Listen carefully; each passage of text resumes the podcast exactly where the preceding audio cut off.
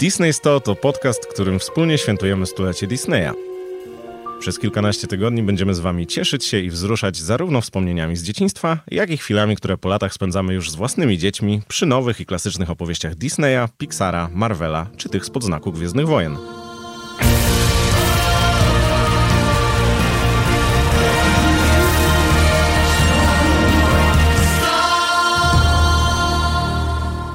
Nazywam się Kamil Bałuk. Na co dzień jestem reporterem, piszę książki non-fiction i prowadzę podcasty, a to, co zawsze ciekawiło mnie w popkulturze najbardziej, to kulisy powstawania piosenek, programów telewizyjnych i filmów, które zna każdy z nas oraz ludzie, którzy za nimi stoją.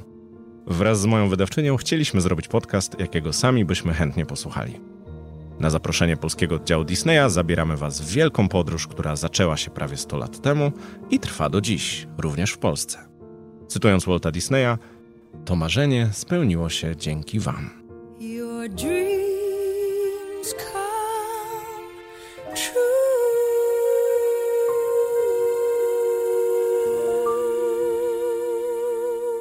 Witamy Was serdecznie w takim wstępnym odcinku Disney 100, podcastu, który przez najbliższe tygodnie i miesiące będzie Wam towarzyszył, a zaczynamy w nieprzypadkowy dzień, 8 lipca to jest równo 100 dni do stulecia Disneya. Jest ze mną Błażej Staryszak z Disney Polska. Cześć. I stulecie Disneya, to, że to jest za 100 dni, to jest dlatego, że 100 dni za 100 dni jest 16 października i to jest ten dzień, który oficjalnie uznajemy za, za powstanie The Walt Disney Company, za powstanie studia Disneya, bo tego dnia właśnie Walt i jego starszy brat Roy podpisali kontrakt na produkcję serii krótkometrażówek The Alice Comedies, mm, takiej e, nowatorskiej zupełnie formuły łączącej animację ze zdjęciami aktorskimi. Pierwsze takie duże przedsięwzięcie Disneya, od którego wszystko się zaczęło.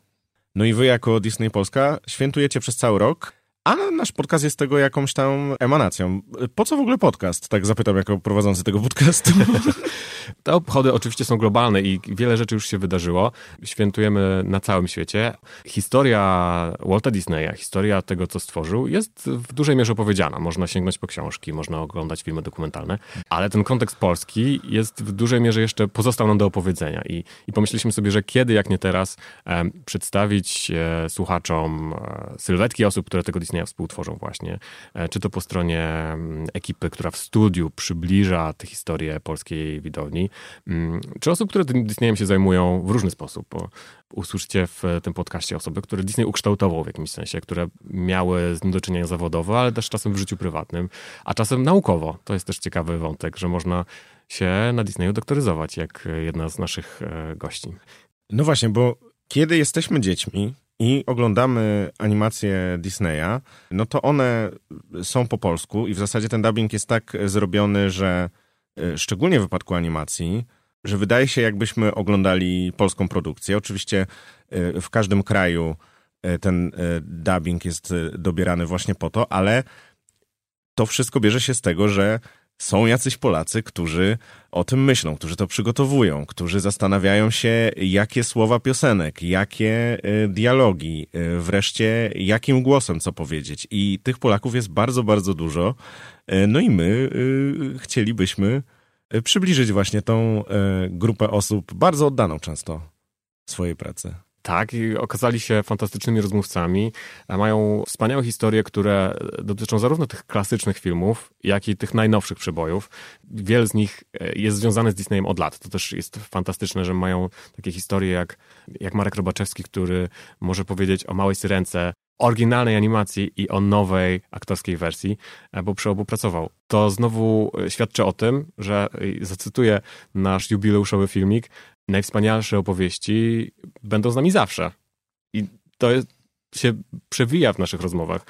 Ta, ta ciągłość, kontynuacja, e, to, że Disney jest częścią naszego życia przez e, długi czas, że łączy pokolenia i to jest fantastyczne.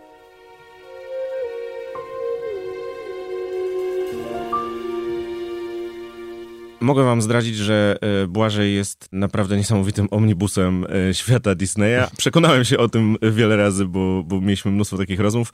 Moje pytanie jest, czy dowiedziałeś się czegoś nowego po tych wielu tygodniach nagrań i eksploracji wspólnej tematów? Mm, mnóstwo rzeczy się dowiedziałem nowych. To jest też fascynujące, że to jest świat, który e, ja mam rozpoznany dosyć dobrze, e, ale wciąż, e, wciąż jest, są, są miejsca. Historia, taka głęboka historia polskiego dubbingu to jest coś, co jeden z gości nam tutaj przybliża bardzo szczegółowo. Zbigniew Dolny, to posłuchacie już tuż w pierwszym odcinku. Przy okazji tam się pokłócimy trochę o Pocahontas i, i w ogóle o wspomnienia. Ale myślę też, że bardzo ciekawe jest usłyszeć to, jak Disney mógł kogoś zainspirować. I e, mamy taki przykład w odcinku o Pixarze, gdzie nasi, nasi goście wprost mówią, że, że oglądanie filmów Pixara w jakiś sposób pokierowało ich życiową drogą. Tak, takich inspiracji jest bardzo dużo. Będziemy je wymieniać przez wiele tygodni. Mamy nadzieję, że dowiecie się o swoich ulubionych produkcjach tego, czego jeszcze nie wiedzieliście. I mamy nadzieję, że poznacie też e, produkcje, których może też nie widzieliście, bo jednak e, setki, setki tytułów się przewinęło bardzo dogłębnie w tych naszych odcinkach. Ja się nauczyłem strasznie dużo i dawno nie miałem e, takiej przygody researcherskiej.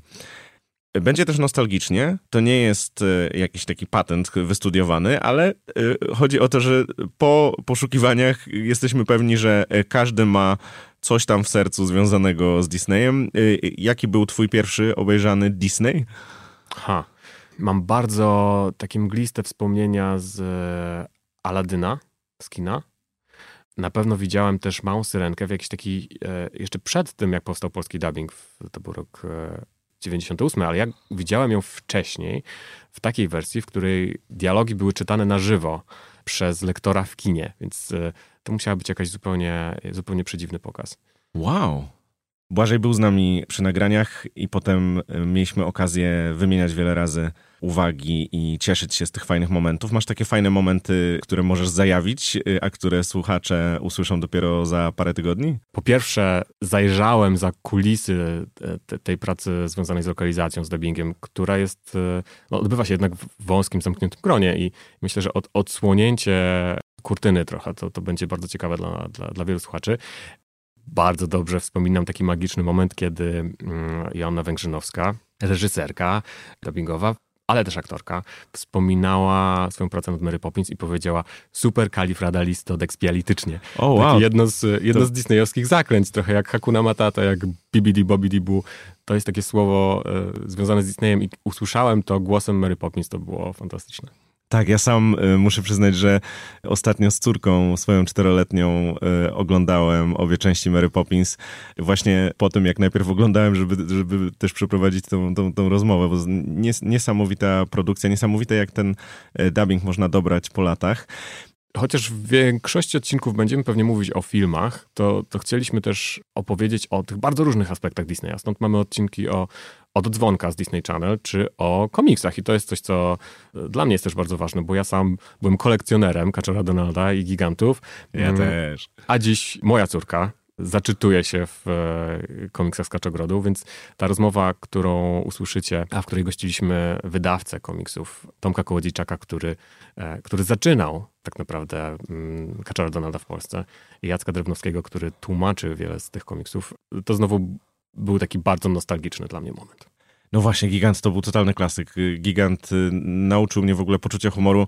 Y, powiem zupełnie szczerze, że dla mnie ten odcinek y, Kaczor Donald Gigant to, to było po prostu poznanie dwóch panów, którzy jakoś tam wychowali mnie tekstowo sprzed lat. Naprawdę duże, duże poruszenie. Bardzo też dobrze wspominam odcinek o emocjach, kiedy z Martą Cieślą i Przemkiem Staroniem, który niby był zdalnie, ale jednak jakoś udało nam się połączyć emocjonalnie e, w trójkę i rozmawialiśmy o tym, e, jak te emocje są przedstawiane e, w Disneyu, w Pixarze, a czasami są głównymi bohaterami. Myślę, że warto też powiedzieć, że świętujemy w ramach tych obchodów The Walt Disney Company w całej swojej rozciągłości. Stąd też właśnie będziemy mówić o, o Pixarze, o Marvelu, o Gwiezdnych Wojnach także. I to też są ciekawe wątki. Dla każdego coś miłego. A najważniejsi dla nas są e, fani, czyli wy i słuchacze. E, dlatego e, liczymy na dialogi, komentarze. Przez cały, cały ten okres wielotygodniowy będziemy sobie z wami dyskutować i będzie też miejsce dla was, na wasze wspomnienia o tym, co najbardziej cenicie, co was wzrusza do czego lubicie wracać i co wciąż oglądacie. Zapowiada się wielotygodniowa przygoda. Zazdroszczę trochę wam, bo ja już słyszałem te wszystkie rozmowy. Wielkie dzięki Błażej. Dziękuję. I zapraszamy już za tydzień na pierwszy odcinek Disney 100. Porozmawiamy o historii Disneya w Polsce. Dzięki za dziś. Do usłyszenia za tydzień. Kamil Bałk.